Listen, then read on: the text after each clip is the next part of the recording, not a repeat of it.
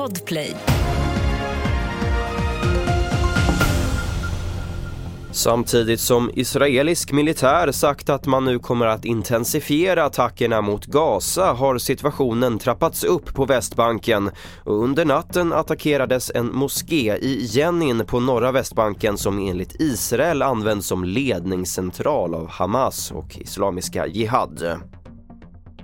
Minst sex personer dödades och 14 skadades igår när en rysk robot träffade en postterminal i Charkiv i nordöstra Ukraina.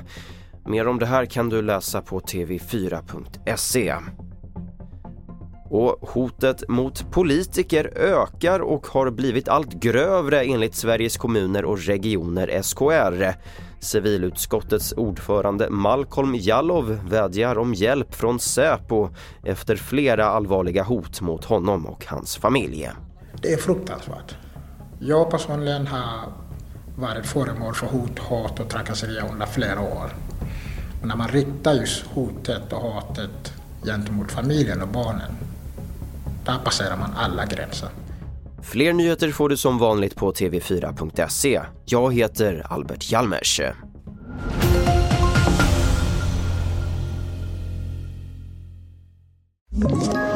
Ett poddtips från Podplay.